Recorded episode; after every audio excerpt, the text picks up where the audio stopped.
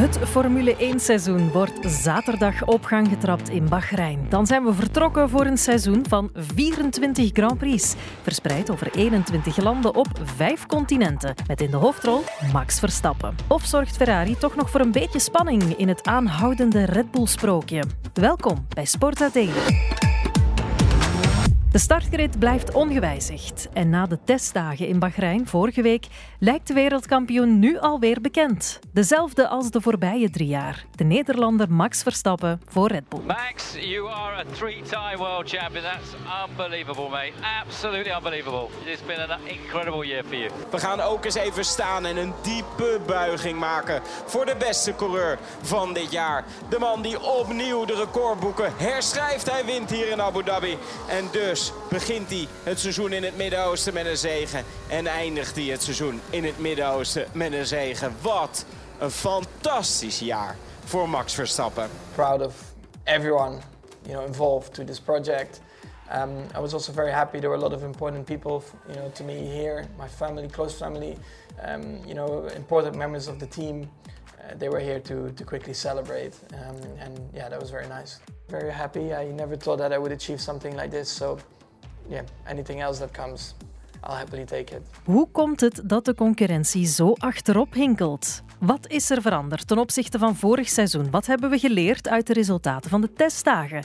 En hoe hard bepaalt de toptransfer van Hamilton naar Ferrari, volgend seizoen weliswaar, nu al de sfeer in de paddock de komende maanden? Ik vraag het aan coureur Sam de Jonge en Sportza-commentator Sammy Nijrink.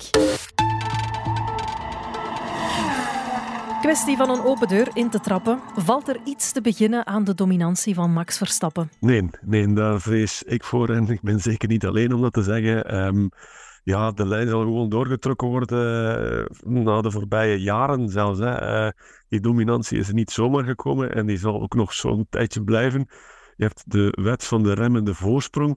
Maar ik denk bij Red Bull Racing is dat zeker niet het geval. En zeker niet het geval ook bij uh, Max Verstappen hij is de, de kloppenman hè, eh, komend seizoen. Ik denk dat hij voor de vierde keer eh, wereldkampioen gaat worden en dat het dat vrij snel te weten kan komen. Het is een beetje moeilijk te zeggen in, in hoeverre dat het een even grote dominantie gaat zijn als, als vorig seizoen, maar lijkt dat Red Bull weer uh, een wagen heeft ontworpen of verder heeft gewerkt, liever op een wagen die al zeer succesvol was. En ja, over Max Verstappen moeten we niet echt twijfelen. Die zit gewoon in de vorm van zijn leven. Is op dit moment, met, denk ik, met voorsprong de beste rijder in de Formule 1. Dus als die twee dingen samen kunnen komen weer uh, ja, vanaf dit weekend dan valt er niet echt iets tegen te beginnen. Over die wagen, zijn er structurele veranderingen aan de bolide van Red Bull? Ja, de, ze hebben op zich de basis wel hetzelfde gehouden, aangezien die heel goed was, maar ze hebben toch wel risico genomen in design. Um, nu, dat, dat zijn heel technische dingen, maar ze hebben een, voor een groot stuk eigenlijk de koeling, die normaal aan de zijkant van de wagen zit, aan beide kanten, uh, naar de bovenkant verplaatst. Dus eigenlijk in het verlengde van de schouderlijn van de, van de piloot. Um, wat iets nieuw is, dat toch niet vaak is gezien, of misschien nog niet is gezien eigenlijk in de geschiedenis van de Formule 1. Um, ehm, en dat zou een effect moeten hebben ook op de, hoe de achterkant werkt en dat er daar meer grip moet ontstaan.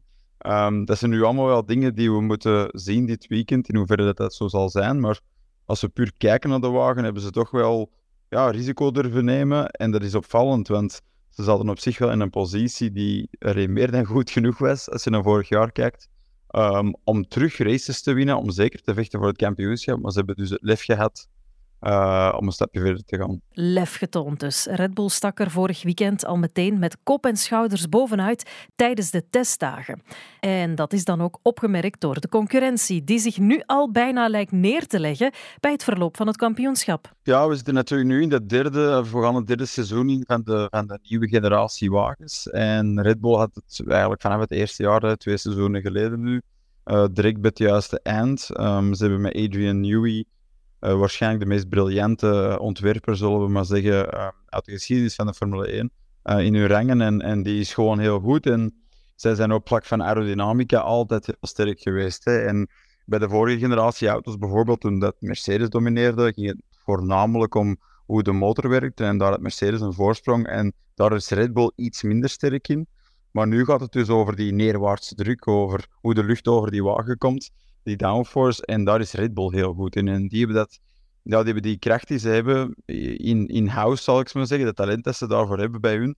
hebben ze heel goed ingezet om een heel goede wagen te bouwen. En vanaf dan heb je eigenlijk een tijdlijn die verder gezet wordt. En elke keer dat je rijdt, uh, elke keer dat die wagen in een wind staan of dat de tests mee worden gedaan, kan die iets beter worden. Dus het is heel, heel moeilijk voor teams um, om dat gat zomaar dicht te fietsen en, um, om, of om zelfs een wagen te gaan kopiëren. Dus, dus dat zie je nu natuurlijk, zelfs in het derde jaar, dat zelfs dan nog moeilijk is om, uh, om heel dichtbij te komen. Van welk team verwachten we dat ze toch voor enige spanning kunnen zorgen? Wie wordt de grote belager van Red Bull? Ik denk dat iedereen een beetje hoopt en denkt dat dat uh, Ferrari zal zijn, omdat ze in de tests best wel een goede prestatie hebben neergezet. Ze lijken wat problemen te hebben opgelost die ze hadden vorig seizoen.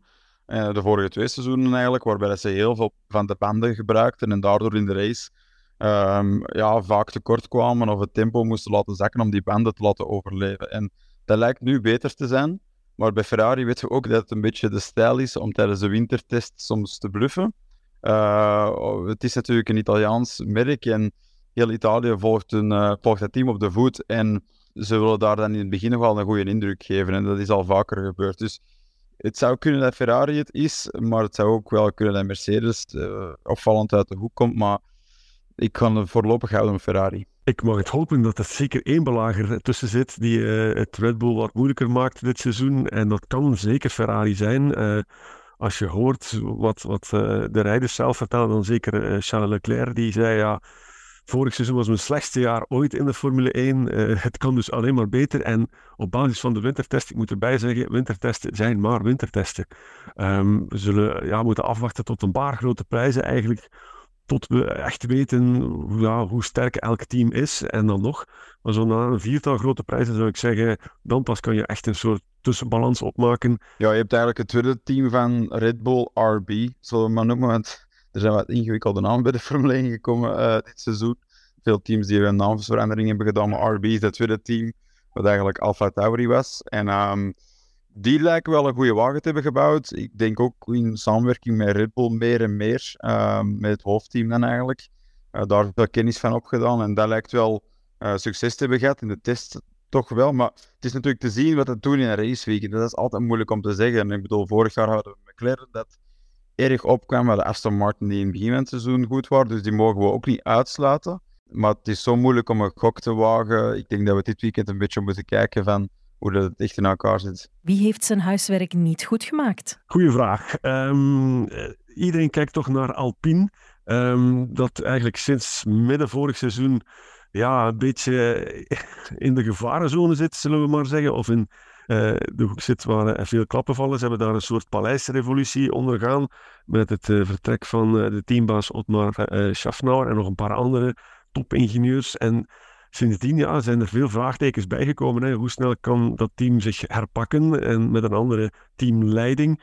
En ja, Alpine, daar wordt ja, niet zoveel van verwacht, terwijl het toch ook wel ja, een, een topteam is geweest uh, in de tijd. Uh, ja, men denkt dat het dit seizoen wel eens wat moeilijker kan gaan en eigenlijk ja, de lijn ook wordt doorgetrokken naar het tweede deel van vorig seizoen, waar het al wat minder was. Dus daar is ja, toch nog wat werk aan de winkel bij Alpine. Als we naar de tests kijken en als we naar de commentaren luisteren van, van zowel rijders dan wat belangrijk is, maar ook uh, het teampersoneel enzovoort, dan komt er heel weinig vertrouwen uit. Uh, rijders geven ook aan, als je wat dieper graaft, als je naar de interviews luistert, dan, dan zie je dat ze uiteindelijk toch een beetje toegeven dat de wagen heel moeilijk te besturen is. Dus daar, zit, allee, daar lijken de meeste problemen te zitten. Het seizoen loopt van nu zaterdag 2 maart tot 8 december met een record aantal GP's. 24, dat zijn er vijf meer dan tien jaar geleden toen Lewis Hamilton zijn eerste wereldtitel won. Het worden er dus meer en meer. Voor wie is dat eigenlijk een goede zaak? Enkel voor de Formule 1, denk ik. dus voor de, voor de ontvangende kant van uh, als we over financiën spreken. Um, ik denk niet dat iemand daarop uh, echt zit te wachten. Als je echt een passie hebt voor die sport en ervan houdt, dan wil je denk ik ook wel dat het kwalitatief blijft. Dat het spannend kan blijven überhaupt. En hoe meer Grand Prix dat je doet, uh, hoe meer punten dat er te verdelen zijn. En in die zin hoe, minder spannend dat het wordt. Logistiek zit het al ietsje beter in elkaar dan uh, vorig jaar bijvoorbeeld, waar het van de ene kant naar de andere kant van de wereld was. En ja, met alle gevolgen van die tijdzones en, en slaaptekort enzovoort enzovoort. Uh, nu zit dat al ietsje beter in elkaar, of past die puzzel al ietsje beter. Maar 24 is misschien ja, bijna net iets te veel van het goede, zou ik zeggen. Uh, veel meer moeten er niet meer bij komen. Um, want ja, 24 eh, kansen, zei ik al, om, om te winnen. Maar de meeste kansen gaan toch naar Max Verstappen. Dus als er ja, 24 keer gewonnen door een Red Bull-rijder, dan is het, ja, het spannende er al lang vanaf. Eh, hoe meer, hoe liever, maar soms moet er ook wel eens eh, een limiet opgezet worden.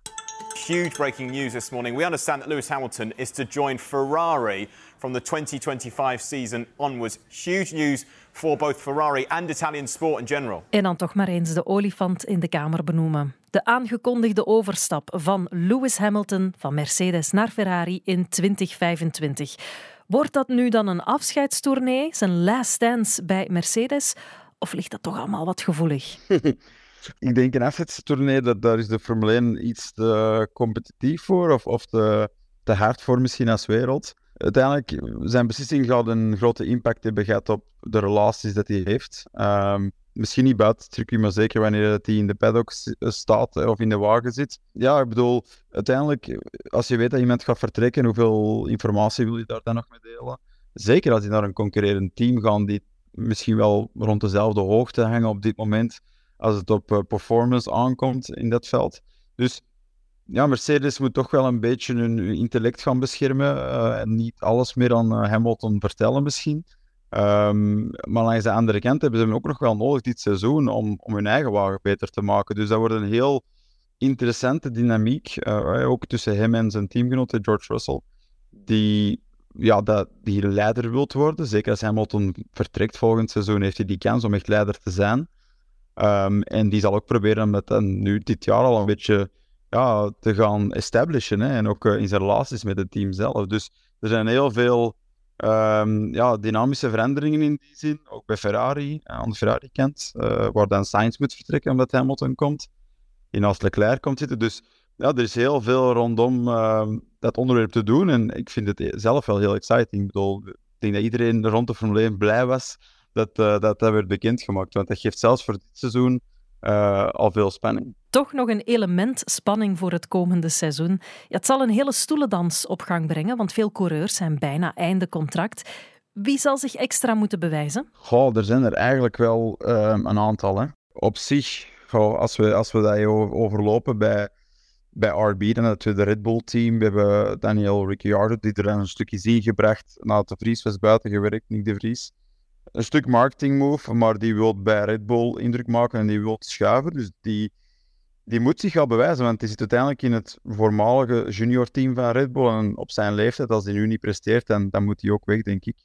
En het geld, hetzelfde geldt voor zijn team Tsunoda. Die moet dan proberen om Ricciardo te verslaan.